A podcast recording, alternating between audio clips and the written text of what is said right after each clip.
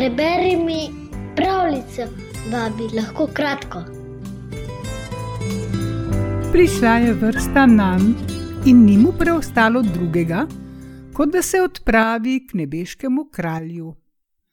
Pa vendar njegove naloge še ni bilo konec. Kakšna je njegova naloga, pripoveduje tajska pravljica o slikarju Tuolankaju.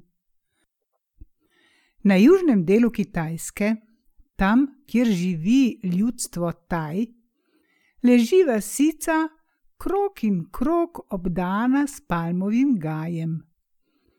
Malo v stran stoji na bregu kristalno čiste reke stara razmajana lopa, spletena iz bambusa. Tu je nekoč v davnih časih živel slikar Tuo Lanka.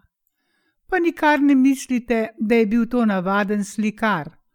Težko bi mu našli enakega. Bil je naravnost obseden od slikanja. Poslikal je vse, kar mu je prišlo pod roke, pa naj si je bil to papir, svila ali les. Redko kdaj je odšel z doma, samo kdaj pa kdaj je stekel v svetišče sredi vasi. A nikar ne mislite, da je tam molil ali daroval bogovom. Kaj še, zakaj takega ni bil? Tiho je posedal v kotu, opazoval vsakega prišleca in si vtisnil spomin njegov obraz. Potem se je vrnil domov, se zaprl v lopo, vzel v roke čopič in slikal, slikal. Nikoli ni vedel, ali zunaj žge sonce ali si je bledi mesec. Vsak dan je naslikal sedem obrazov, in preden se je srečal teden s tednom, je s sten njegove borne lope gledalo sedemkrat sedem obrazov. Nekoč, prav tedaj, ko je nameraval potegniti še zadnjih nekaj potez na 49. obrazu, je potrkal nekdo po vratih.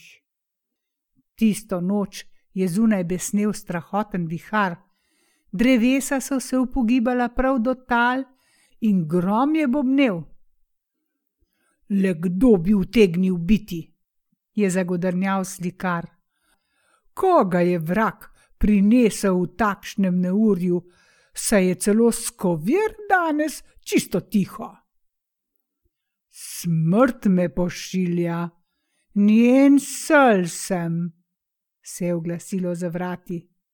Skrbim za duše tukajšnjih pokojnikov in pa tvojo me je danes poslal nebeški kralj. Da bi ga strela, je pomislil Tuolanka in njegova dušica je bila čisto majcena od strahu. Vendar se je opogumil in odprl. Na vratih je stala postava, od glave do peta zavita v plašč, ki je bil bolj črn kot sama noč. Vstopi, je rekel Tuon Lanka.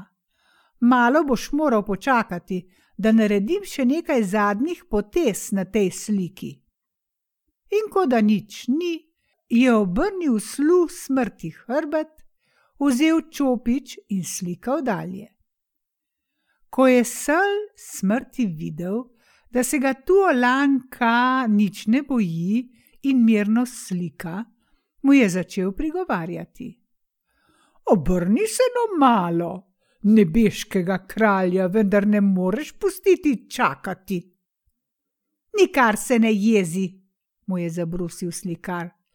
Tole sliko tu moram še skončati. Rajši pojdi naprej in sporoči svojemu kralju, naj izvoli malo potrpeti. Sel smrti je bil strašansko radoveden, kaj tu Alanka pravzaprav slika.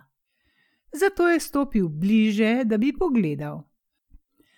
Njegovo zdavnaj mrtvo srce je zadrhtelo. Slike se mu je smehljalo tako lepo dekle, kakršnega še nikoli ni bil videl. Tiho po prstih se je stihotapil iz bambusove lope, ter se vrnil v nebo.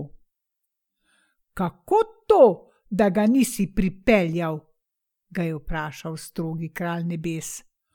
Oprostite, kraljevsko visočanstvo, se je opravičeval sel smrti. Ni šlo, moral sem ga pustiti, da bo skončal še en obraz.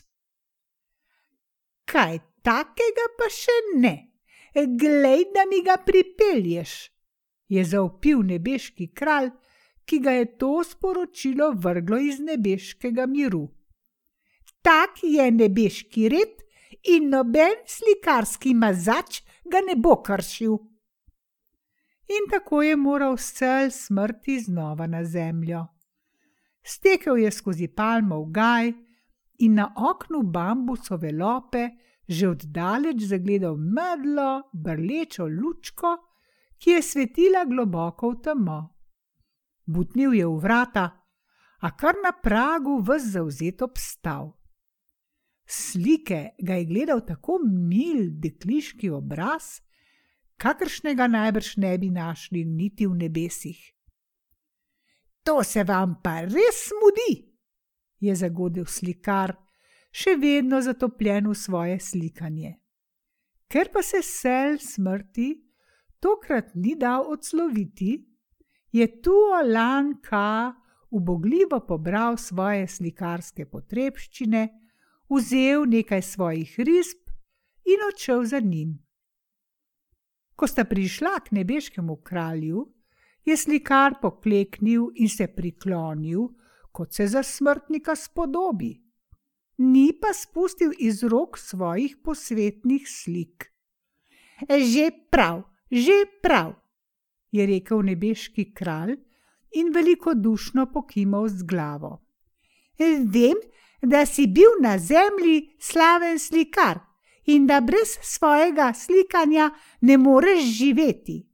Veš kaj, v nebesih lahko slikaš dalje. Tu Olanka se je globoko priklonil in se zahvalil za čast, ki so mu jo izkazala sama nebesa. Pa tudi nekaj sov mu je kanilo po licih, kako tudi ne, saj se je poslovil od rodnega kraja in zemlje, s to pa se ne morejo primerjati nobena nebesa.